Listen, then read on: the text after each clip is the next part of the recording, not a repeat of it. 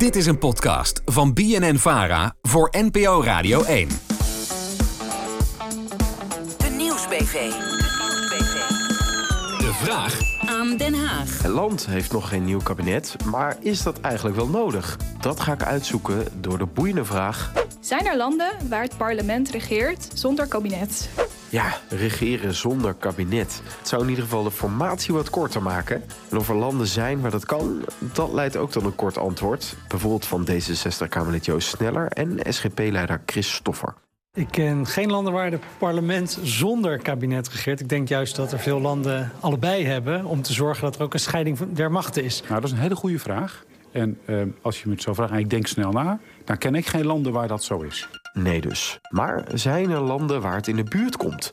Ik zoek het uit bij de eerste lijns hulp voor politieke systeemvragen de politicoloog. In dit geval Rick van Wel uit Leiden. Ik werk aan een promotieonderzoek naar de verhouding tussen regering en oppositiepartijen. En in bredere zin uh, naar de verhouding tussen regering en parlement. Zijn er landen waar het parlement zelf regeert, waar er geen officieel kabinet zit? Nou, het korte antwoord op die vraag is uh, nee. Uh, bij, mijn bij mijn weten zijn er uh, geen landen die geen regering hebben. En het is ook moeilijk voor te stellen, een land die geen regering heeft. Hetgeen wat regeringen doet, dat behoort tot de kernfuncties van een staat. Dus regeringen ehm, die hebben controle over de uitvoerende macht. Die sturen de ambtenarij aan, uitvoeringsorganisaties aan.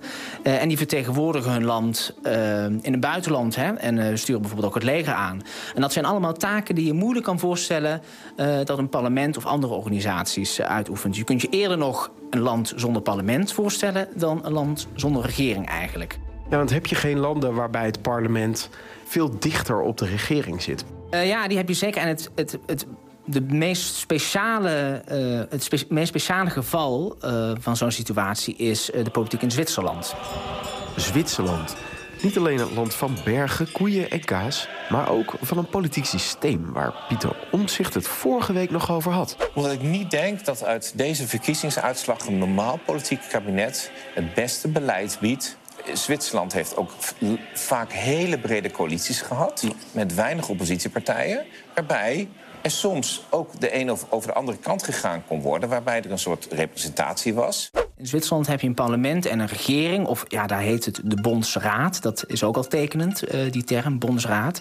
Waarin altijd de grootste en belangrijkste politieke partijen vertegenwoordigd zijn. All, allemaal? Standaard. Dus er zijn de vier, grote, uh, de vier grote en belangrijke partijen, die zijn daar altijd vertegenwoordigd, kunnen ook niet weggestuurd worden uh, uit het parlement. En die fungeren eigenlijk als een soort uitvoerend comité van het parlement uh, als geheel. Uh, stel dat we dat even op Nederland zouden plakken. He, we hebben net verkiezingen gehad. Ja. Wie zit er dan in de regering als we het naar Zwitsers model zouden organiseren? Ja, nou, nou goed, het, dan stel je me een vraag, want we hebben natuurlijk ook een ander kiesstelsel dan. Uh, ja, dat, dan dan dat vergeten we even. Maar dat zou eigenlijk betekenen dat alle grootste partijen. Uh, in de regering zitten. Dus dat zou nu zijn PVV, NSC, VVD, maar ook Partij van de Arbeid GroenLinks. Die als het ware één, als het ware één comité vormen. Wordt gezellig. Ja, dat kun je niet voorstellen. Hè? Maar hoe komen ze daar in Zwitserland dan uit met elkaar? Ja, in Zwitserland hebben ze een hele andere politieke cultuur. Ook een andere kiesstelsel, waardoor bijvoorbeeld radicaal rechts niet zo groot is. En daar zie je een hele andere vorm van oppositie.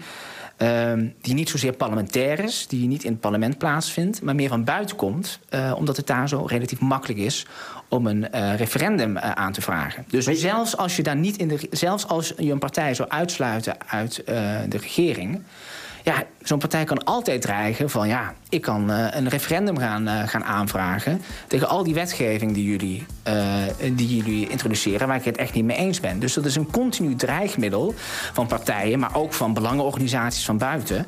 Ja, om te zorgen dat er heel veel, ja, op een consensuele manier besluitvorming plaatsvindt. En heb jij nou ook een vraag aan Den Haag? Mail die dan naar de nieuwsbv politiek apenstaartje. En wie weet hoor jij je eigen vraag terug op de radio.